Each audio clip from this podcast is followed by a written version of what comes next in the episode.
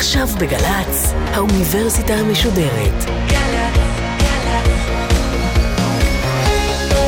מה שקורה עכשיו.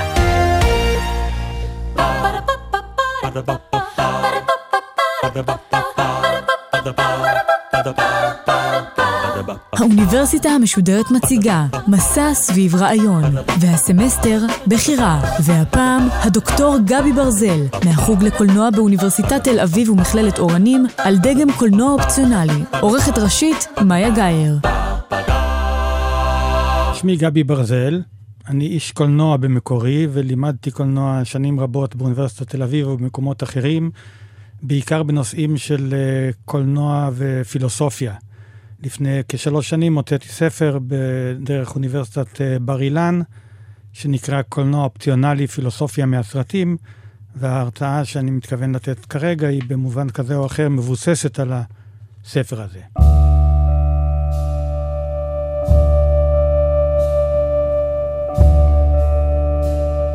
שאלת הבחירה היא מתשתיות החשיבה האנושית ומחוללת ההתנהגות של הפרט, של החברה והתרבות ככל הנראה מאז ומעולם.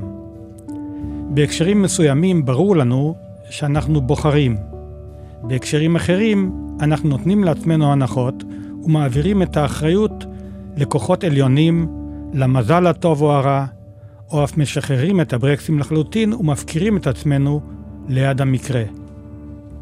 הקולנוע ישמש אותי להצגת פניה הרבים, המורכבים ולעיתים השנויים במחלוקת של הבחירה. האם ללכת לקולנוע, ללכת לבילוי או עיסוק אחר, או בכלל להישאר בבית? כולנו עמדנו בפני דילמה כזאת לעיתים קרובות.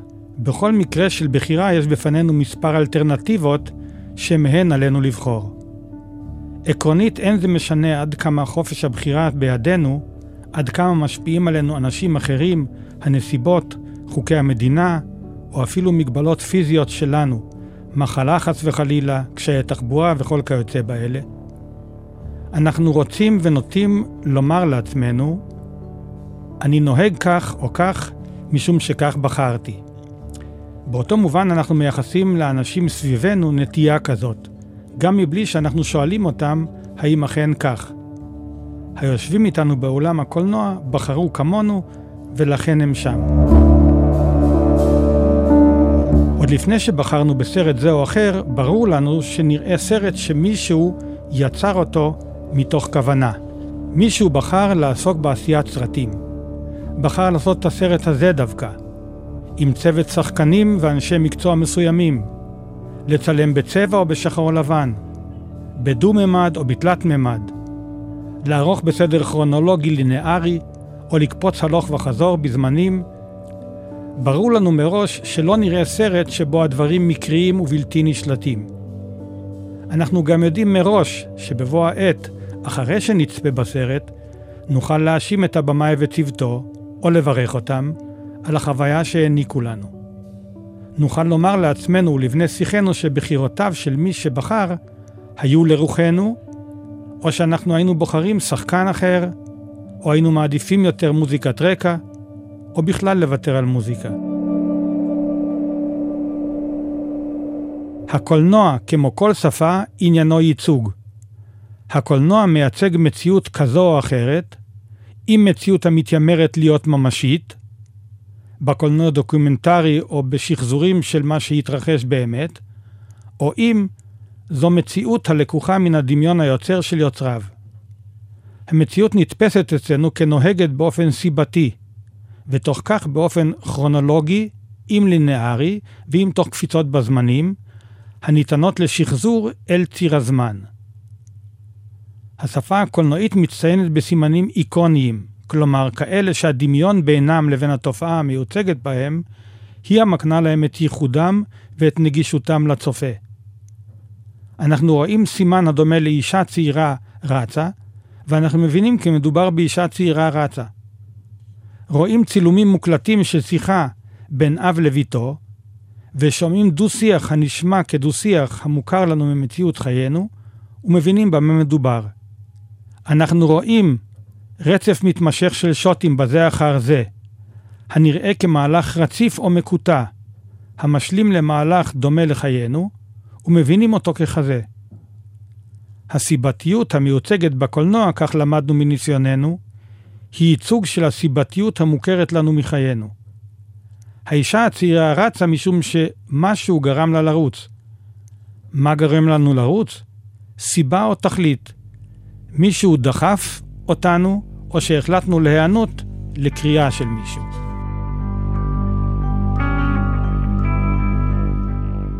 ועכשיו נבחין שבאותו סרט עצמו מגולמות שתי מערכות שונות בתכלית של סיבתיות. האחת זו שבתוך העולם הבדיוני, עולמו של הסרט, שבו כל דמות בוחרת בתורה את בחירותיה, ופועלת או שאיננה פועלת על פיהן. השנייה, חיצונית ומונחית על ידי בחירותיו והחלטותיו של הבמאי יוצר הסרט. למה רצה האישה הצעירה? משום שהבמאי הנחה אותה לכך, וברגע המתאים אמר את מילת ההפעלה action. I need more exaggeration. Where is the passion in these actors? I need them to deliver something that will move me. Go! לכל אחת מן המערכות הללו יש תפקיד חשוב שהצופה, גם אם איננו מודע להן, עושה בהן שימוש ומצפה מעצמו להתייחס אליהן.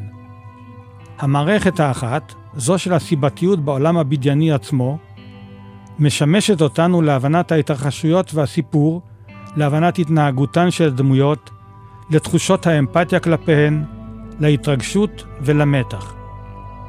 המערכת השנייה, זו שבה היוצר הינו וגם מובן כמי שמחולל את העולם הבדיוני ככזה, יוצרת בצופה את העניין והצורך להבין מהי הכוונה, ולנסות לפענח ולפרש את הסרט ואת משמעותו. מקובל עלינו כי כוונת היוצר נסתרת על פי רוב, וכל צופה מקבל לגיטימציה למלא את הפונקציה של מחולל הסיבתיות החיצוני באופן של פענוח ופרשנות אישית משלו. רוב רובם של סרטי הקולנוע, מאז ראשיתו ועד ימינו, מציגים כל אחד בפני עצמו עולם בדיוני קוהרנטי, שסיפורו מתחיל בנקודה מסוימת ומסתיים באחרת, כאשר ברור לנו כי לפני נקודת ההתחלה ולאחר נקודת הסיום, היו ויהיו מהלכים שחרגו מגבולות או מטווח הסיפור. מה מביא אותנו להבנה כזאת? שוב, היכרותנו עם העולם בו אנו חיים, אשר כל סיפור המתרחש בו מתחיל הרבה לפני ואיננו מסתיים כלל אלא כשאנחנו מחליטים לסגור אותו. הסרט ככזה הוא מעין קפסולה של זמן סגור ומופקע מן הרצף, שאיננו מיוצג אבל נוכח בהבנתנו. רוב הסרטים הם קפסולות כאלה של זמן. רציפות הזמן הפורצת את גבולות הסרט כמעט מובנת מאליה. הסרט הוא עולם המייצג עולם בעל חוקיות עקבית וקוהרנטית, בדומה לעולם המוכר לנו. אלא שכבר משחר התרבות כנראה, עלו תהיות באשר להיותו של העולם בעל דמות אחת, מופע אחד, מובן אחד. וכן באשר ליכולתנו אל החיים בעולם, להכיר את כל פניו, את כל מופעיו, ואפילו להיות בטוחים שזהו העולם היחיד הקיים. בתחילת הספר בראשית מופיעים שני נוסחים המתייחסים באופן שונה לבריאת העולם. מקובל לטעון שמקורם בשני מקורות ובשני מיתוסים קדומים. עם זאת, הופעתם זה לצד זה בתורה מעניק להם לכאורה לגיטימציה מקבילה. סיפור גן העדן מרמז על שני עולמות מקבילים, שניהם כמובן ממלכתו של בורא העולם, אולם הם אלטרנטיביים או אופציונליים. והרי ניתנה לאדם וחווה הרשות לבחור באיזה משני העולמות הם רוצים לחיות, בגן העדן או מחוצה לו.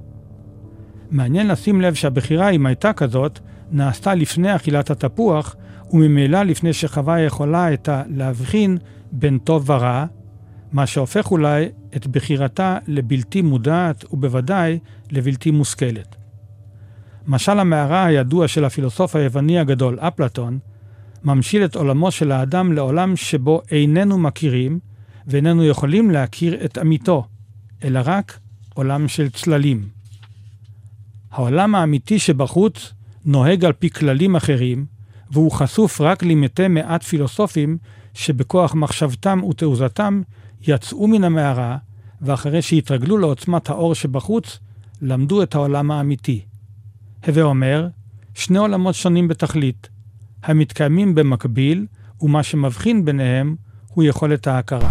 This is the only world that the prisoners have ever known. The shadows the echoes of unseen objects. מבלי להיכנס לעובי הקורה, נזכיר גם את טענתו של אחד מאבות הפילוסופיה המודרנית, עמנואל קאנט, שאמר כי את העולם כפי שהוא לעצמו, איננו יכולים להכיר. וממילא מה שאנחנו מכירים, איננו העולם כפי שהוא לעצמו, אלא הוא עולם התלוי בהכרתנו על שלל כישוריה ומגבלותיה.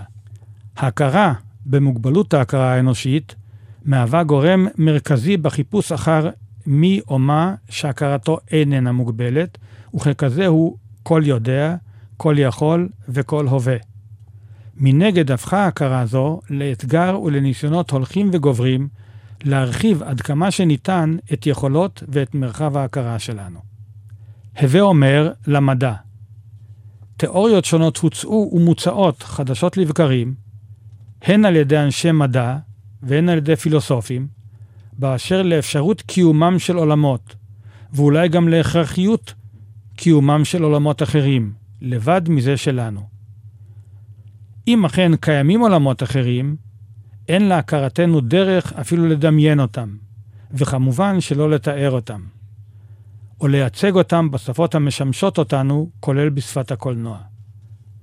כולנו מכירים בוודאי סרטים כמו E.T. חבר מכוכב אחר, מלחמת הכוכבים, אבטאר, ובכיוון אחר סרטי המטריקס. בסרטים אלה ובדומיהם מיוצגת הציפייה או האפשרות של קיומם של עולמות אחרים, קיומן של אופציות קיומיות אחרות, בכלים של העולם המוכר והטוב שלנו. E.T. home phone. E.T. phone home. E.T. phone home. בעולם זה הדמויות דומות במידה מספקת ליצורים מוכרים, מקיימות קשר בשפה כזאת או אחרת, והאירועים מתרחשים באופן סיבתי, כרונולוגי וקוהרנטי, ולענייננו, הדמויות האנושיות, כמו גם אלה של עולמות האפשריים, פועלות על בסיס בחירה חופשית, או אשליה של בחירה חופשית. השאלות הפילוסופיות באשר לאפשרות קיומן של אופציות קיומיות ו/או אופציות של הכרה ושל מוסר, אינן זוכות על פי רוב לסימנים קולנועיים חדשים וייחודיים. והנה, אני מגיע לעניין דגם הקולנוע האופציונלי שחשפתי בספרי קולנוע אופציונלי פילוסופיה מהסרטים.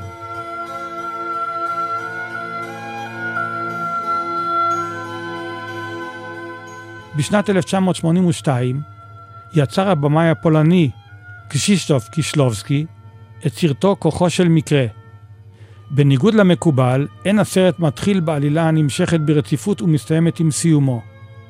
קישלובסקי יוצר בסרט מבנה חדש, המאפשר לו לייצג שלוש אופציות אלטרנטיביות למהלך חייו של פולני צעיר בשם ויטק.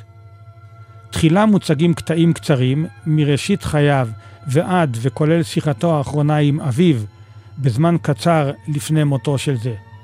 עם קבלת ההודעה על מות האב, ניגש ויטק אל ראש מגמת הרפואה בה למד ומודיע על הפסקת לימודים.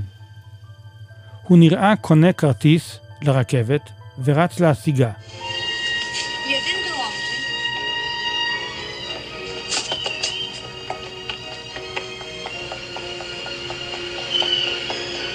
בשנייה האחרונה הוא מצליח לעלות על הרכבת, ובכך מתחילה, כך מתברר לנו במהלך הסרט, האופציה הראשונה. אופציה זו מסתיימת בכך שוויטק לא מצליח לממש את כוונתו בחירתו לעלות על מטוס ולטוס כשליח המפלגה הקומוניסטית הפולנית לצרפת. במקום זה, הוא נשלח על ידי המפלגה למשימה אחרת. קישלובסקי מחזיר אותנו בשלב זה לריצה אל הרכבת, והפעם ויטק מחמיץ אותה בשנייה האחרונה. כך מתחילה האופציה השנייה, שבה הוא מסתפח אל הכנסייה הקתולית, וככזה נחשב מסוכן למשטר. לקראת סוף האופציה הזאת, ויטק אמור להישלח עם משלחת של הכנסייה לפריז, ושוב מחמיץ את הטיסה. באופציה השלישית, ויטק שוב מחמיץ את הרכבת. חוזר ללימודי הרפואה, והופך להיות אזרח המתאים את עצמו בכוונה יתרה למה שמצופה ואו נדרש ממנו, וחי את חייו השלווים כרופא וכאיש משפחה למופת. לקראת סוף האופציה, שהוא גם סוף הסרט, עולה ויטק על מטוס כחלק ממשלחת רפואית. המטוס ממריא, וכדי שלא לעשות ספוילר, לא אומר מהו הסיום האמיתי. כל אופציה סיפור אחר. האם ועד כמה כל אופציה מבטאת בחירה חופשית, או אילוצים חברתיים פוליטיים, או את כוחו של מקרה, נשארת שאלה פתוחה ופילוסופית המופנית לצופה. האם לכל אופציה מערכת אתית אחרת? האם האתיקה במובן החברתי, כמו הסיבתיות במובן האונתולוגי, מהווים עקרונות מכוננים ומגדירי מציאות? גם אלה שאלות פילוסופיות שמעלה הדגם החדש. מה שחשוב לי להדגיש הוא כי הדגם האמור הופך את המערכת הסיבתית המונעת על ידי היוצר לדומיננטית שבין שתי המערכות הנזכרות, וזאת להבדיל מן הדגמים הנוהגים ברוב רובם של הסרטים. מבנה של סרט הוא מרכיב צורני, בעוד שהעלילה עניינה בתוכן. ובכן, הצורה בסרטי דגם הקולנוע האופציונלי מקבלת מעמד מרכזי יותר מזה של התוכן. במהלך הפרשני לניתוח משמעותו של הסרט. כל אחד מששת הסרטים שעסקתי בהם שונים זה מזה כמעט בכל, ורק המבנה הדומה מעניק להם פוטנציאל משמעי בר השוואה. Have you ever wondered what might have been? Would things be different if you caught the train instead of missing it? How much would your life change if you were 10 minutes early instead of 10 minutes late? Helen? If I had just caught that train. בדלתות מסתובבות של פיטר יואיט, הגיבורה עולה או מחמיצה את העלייה על הרכבת, מן הסתם כהומאז' לקישלובסקי, ופותחת בהתאם שתי אופציות שבמרכזן מערכות יחסים של אישה עם שני בני זוג אפשריים, השזורות זו בזו הלוך וחזור, עד שאחת מהן מסתיימת באופן טרגי, ואילו השנייה פותחת פתח להתחלה חדשה. בסרטו של הבמאי הגרמני תום טיקוור, רן לולה רן, יוצאת לולה לריצת חייה שלוש פעמים, על מנת להשיג למאני אהובה את הכסף שהוא חייב לגנגסטר המקומי. כל ריצה היא אופציה, וככזאת חליפית לאחרות.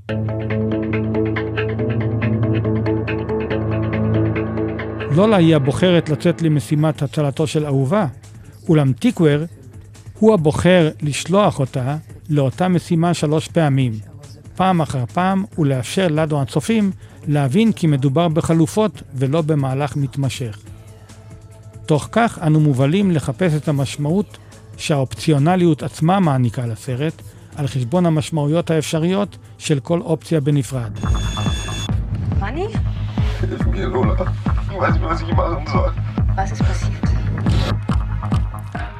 צמד הסרטים של אלן רנה, מעשנת ולא מעשנת, נענים לדגם בכך שכל אחד מהם מציג אופציה. האחד מתחיל בסצנה שבה יוצאת אחת מגיבורות הסרט לחצר ביתה, ניגשת לקופסת סיגריות המונחת על שולחן הגן, מוציאה סיגריה, מציתה אותה ומתחילה לעשן. הסרט השני מתחיל באותו אופן ממש, אלא שלאחר הוצאת הסיגריה, היא מחזירה אותה לקופסה. כל שאר מהלכי הסרטים שונים לחלוטין מכל מה שאנחנו רגילים לו בסרט שגרתי וגם בסרטי הדגם האחרים. בניגוד לסרטי הדגם האחרים, שבהם סדר האופציות כפוי עלינו מכוח היותן מופיעות בזו אחר זו, הרי שכאן כל צופה פוטנציאלי יכול לבחור איזה מן השניים לראות ראשון. ועם זאת, עצם המבנה האופציונלי של גם וגם, זו לצד זו, נשמר. הסרט האחרון שאני דן בו, עת לאהבה, הוא סרטו של הבמאי האיראני הגדול מוחסן מחמלבף. גם סרט זה שונה מכל סרטי הדגם במובנים רבים, וגם הוא שומר על מבנה של שלוש אופציות חליפיות. כל אופציה מציגה את אותן חמש דמויות. אישה, בעל, מאהב, חובב ציפורים החושף את מעשה הבגידה בפני הבעל, ודמותו של שופט אשר בפניו מתנהל משפטו של הבעל שרצח את המאהב באופציה האחת, ושל המאהב שרצח את הבעל באחרת. בסרט זה יותר מבכל האחרים, באות לידי ביטוי בחירותיו של הבמאי ואפילו באופן פרובוקטיבי. השחקן המופיע בדמותו של הבעל באופציה הראשונה, הוא מאהב בשנייה. כשם שזה המופיע כמאהב בראשונה, הוא הבעל בשנייה. במהלך האופציה השלישית הם עושים החלפת תפקידים ביניהם. והנה דוגמה נוספת לפרובוקטיביות ולשרירות שמרשה לעצמו מחמלבף במעבר מאופציה אחת לשנייה. גזר הדין של השופט על עבירת הכאת האישה הבוגדת באופציה הראשונה, מוות, ובשנייה זיכוי, למרות שהעבירה היא אותה עבירה. האופציה השלישית יוצרת שילוב מפתיע ומאתגר בין השתיים שקדמו לה. המודעות העצמית של הסרט, להיותו סרט, מה שקוראים לעתים חשיפת אמצעי המבע, מעניקה לאופציונליות המוצגת בו רובד משמעי פוסט-מודרניסטי.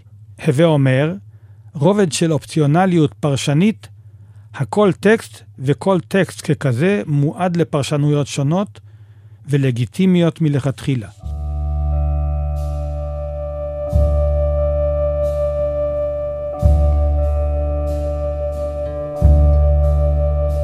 גם המציאות, ולא רק ייצוגיה, איננה אלא טקסט. וממילא מועדת לפרשנויות. כל פרשנות של המציאות היא בגדר אופציה הקיימת לצד כל האופציות הפרשניות האחרות. אין כלל עולם של ממש, אלא רק אופציות פרשניות של העולם. כל אדם בוחר, אם במודע ואם שלא במודע, את האופציה שלו, שהיא ורק היא עולמו.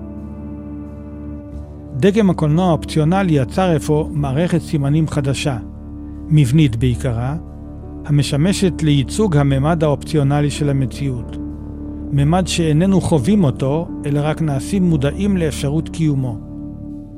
כזכור טענתי שאנחנו חווים את המציאות כרצף סיבתי ושואפים שיהיה עקבי וקוהרנטי ככל האפשר. ייצוגי המציאות, ובהם זה הקולנועי, נענים לחוויה המכוננת הזו ולשאיפה לאחדותה. התחושה והאמונה כי אנחנו יצורים בוחרים, כמו גם הדרישה מעצמנו ומזולתנו להיות כאלה, ממשיכה להוות בסיס נדרש לכל מערכות חיינו החברתיים והתרבותיים. מאידך, המודעות לכך שאולי יש עולמות אחרים, שבהם הדברים מתרחשים ונמדדים אחרת, הולכת והופכת להיות נחלתם של רבים, וחודרת בדרכים שונות אל אופני הייצוג בכלל והקולנועים בפרט. לסיכום הייתי אומר שהקולנוע האופציונלי יוצר מערכת סימנים חדשה, המעניקה לנו כלי ייצוג של רעיון, להבדיל מייצוג של חוויות חיים.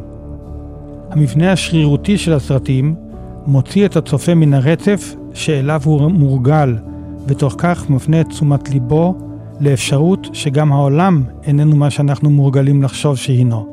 כלומר, במקום שראיית וחוויית המציאות שלנו תיוצג בסרט, הסרט מבנה את חשיבתנו והבנתנו.